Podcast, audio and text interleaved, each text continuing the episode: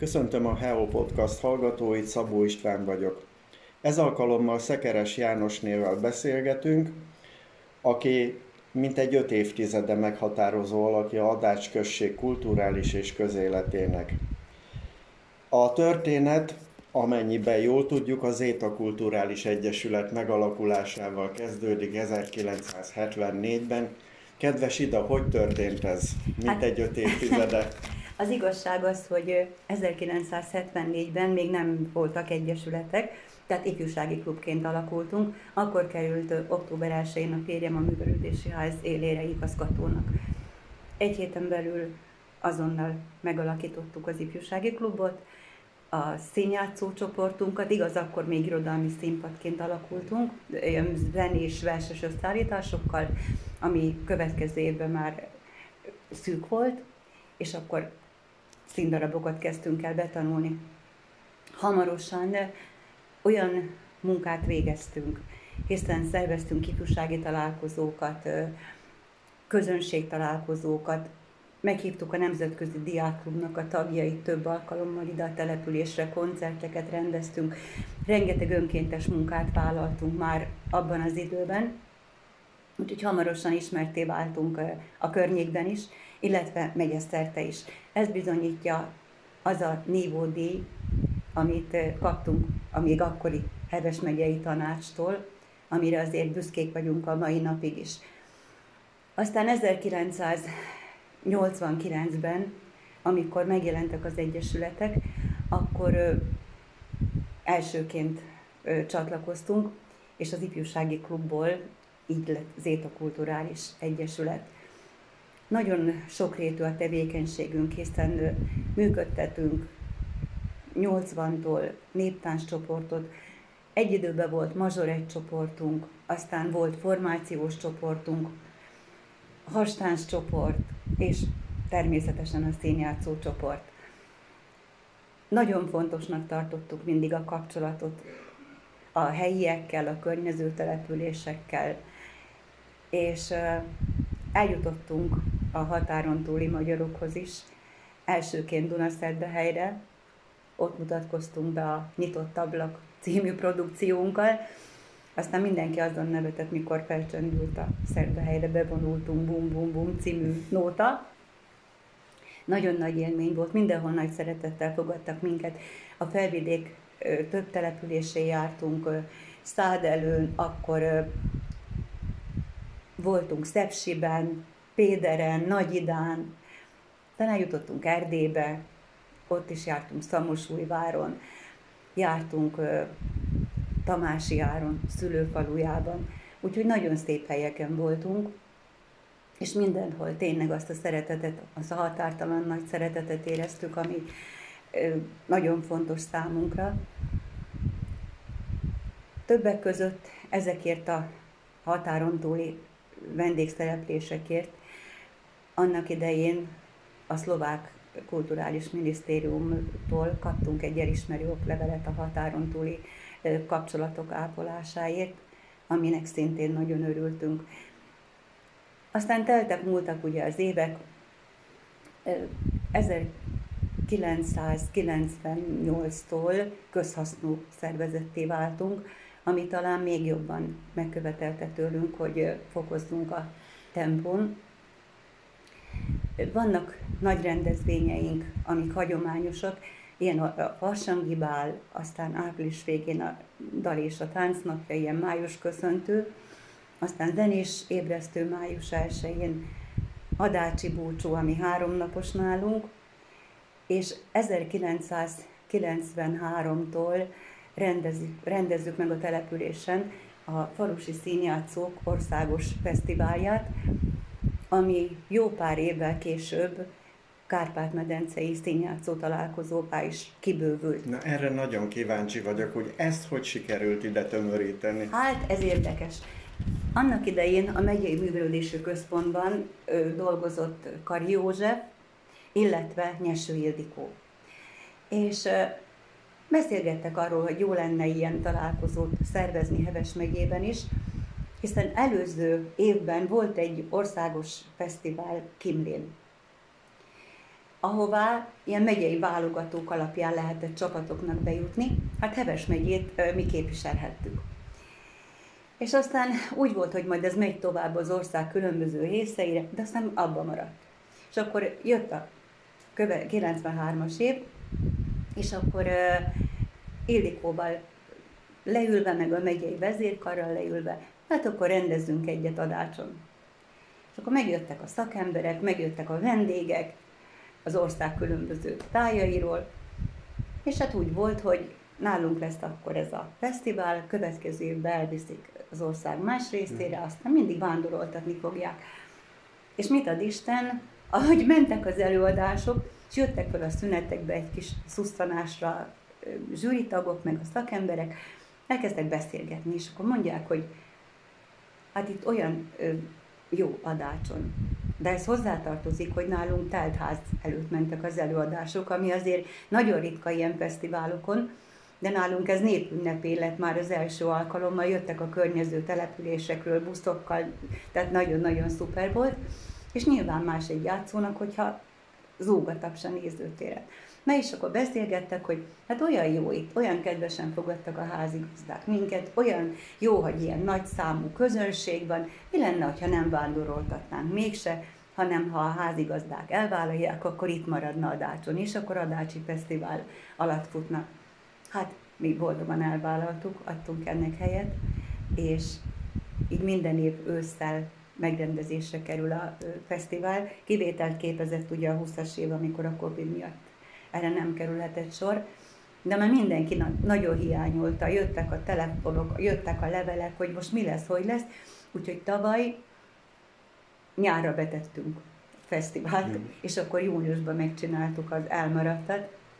Most az ősztel megint készülünk egy ilyen fesztiválra. Úgyhogy ö, dolgozunk nagyon sokat.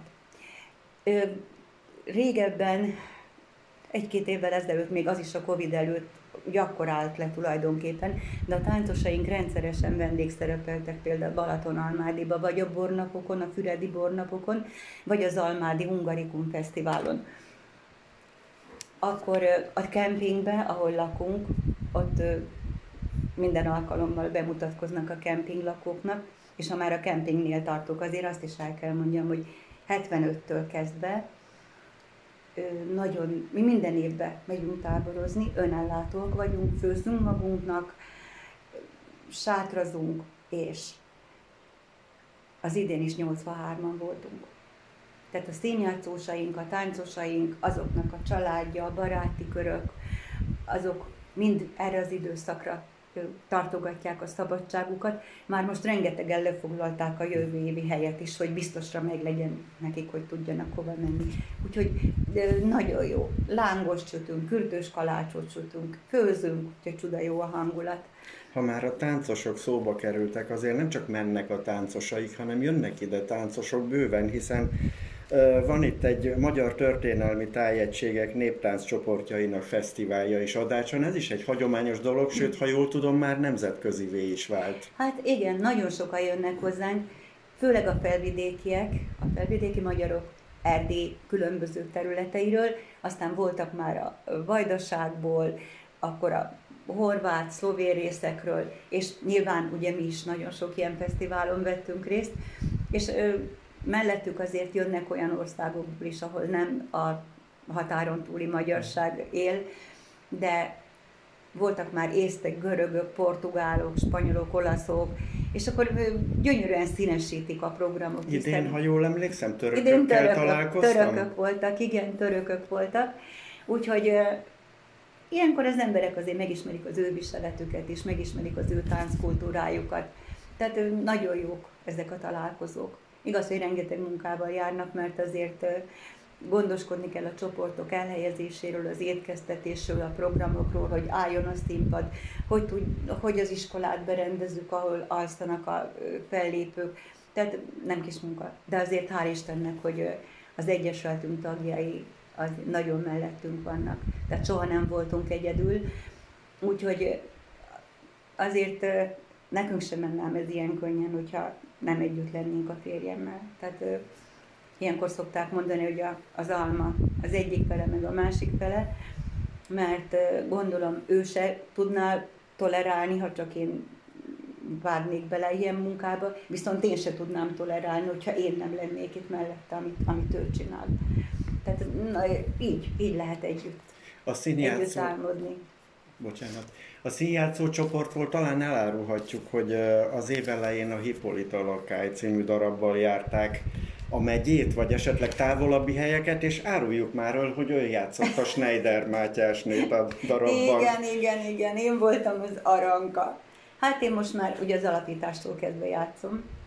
Az első években említettem ugye, hogy 74-ben rögtön megalakítottuk a irodalmi színpadot ősszel.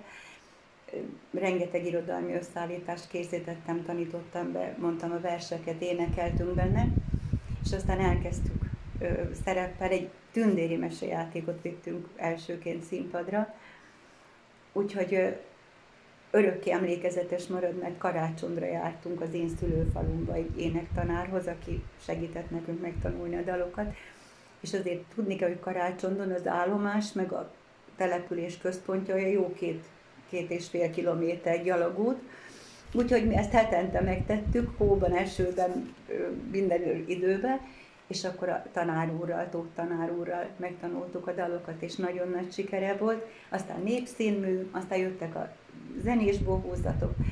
A szereplőink olyanok vannak, hál' Istennek, hogy szeretnek énekelni, szeretnek táncolni, szeretnek bohóckodni, úgyhogy ez, ez olyan nagyon nekünk való. És ami különösen nagy öröm számunkra, hogy ugye hiányoznak a próbák. Tehát annyira megszoktuk, hogy együtt vagyunk, mint egy ilyen nagy család. Néha van, hogy összeveszünk, megölnénk egymást egy kanálvízbe, egy szóé, de ha már nem kimarad a próba, akkor már úgy hiányzik.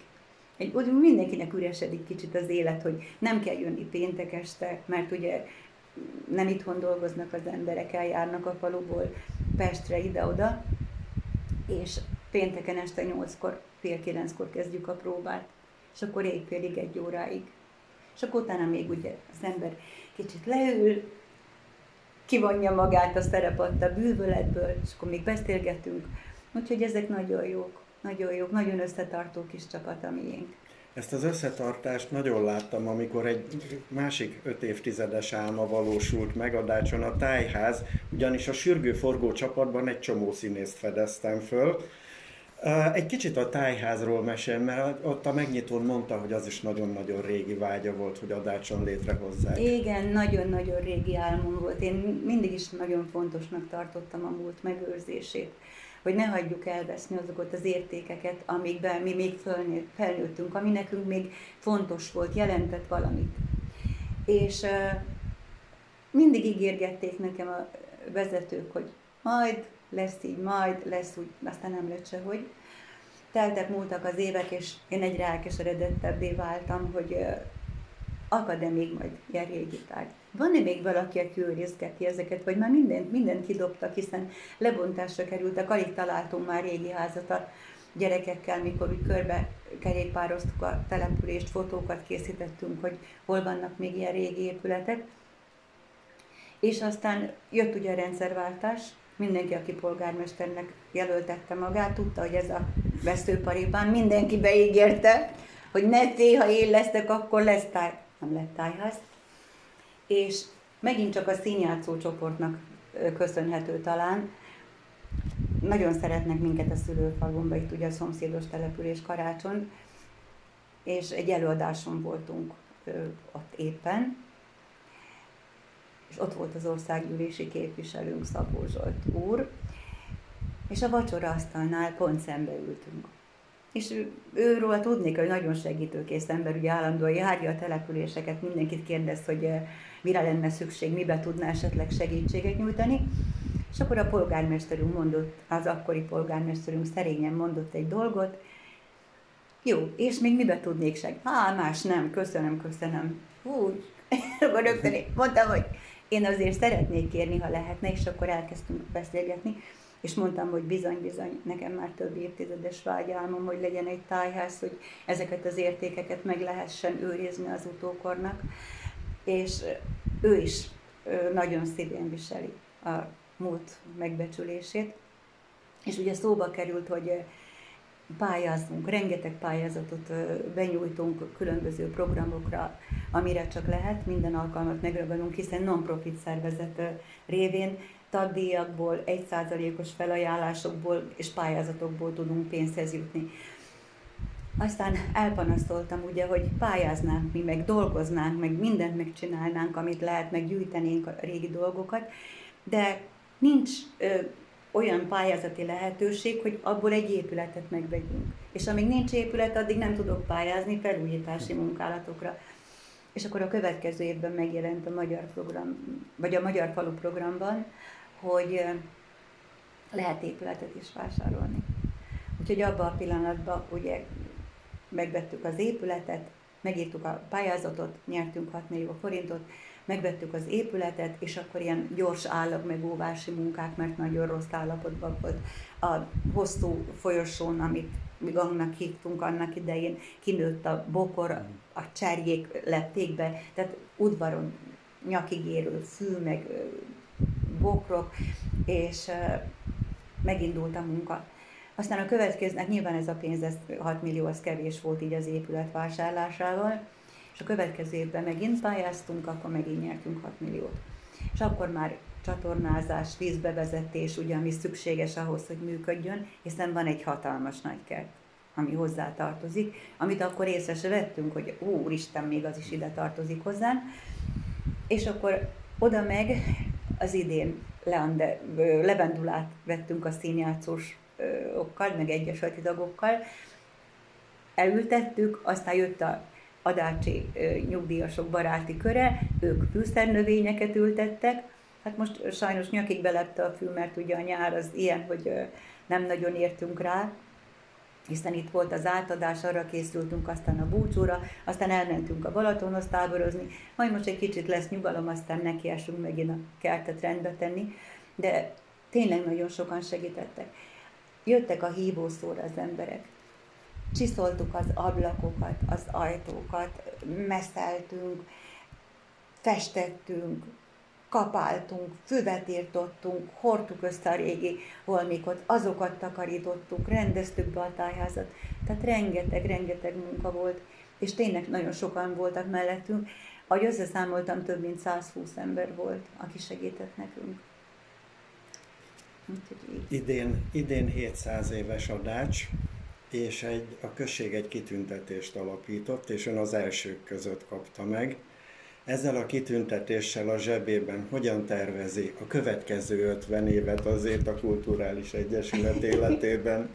Hát én azt gondolom, hogyha így fogom bírni még egy darabig, mint eddig, akkor gond nem lesz. Tehát én addig nyüzsgök, ameddig lehet, ameddig bírom, és ameddig én nyüzsgök, akkor mindig tudok még magam mellé hívni embereket, akik jönnek velem, hajlandók jönni velem, és tenni a jó dolgokért, mint ahogy tették ezt a tájháznál is, meg a különböző rendezvényeken is, hiszen mi annyit tudunk, hogy megálmodunk dolgokat, megtervezzük, hogy lenne jó, mint lenne jó, de ezt két ember nem tudja csinálni. Tehát ez kellenek, akik mellettünk vannak, és segítenek nekünk. Ez csak így megy. Szekeres Jánosné, köszönöm szépen a beszélgetést, és sok sikert kívánok az Egyesületi munkában és a Tájház köszönöm fenntartásához szépen. is. Köszönöm szépen. A Heol Podcast hallgatóinak pedig köszönöm a megtisztelő figyelmet. Nagyon szépen köszönöm én is.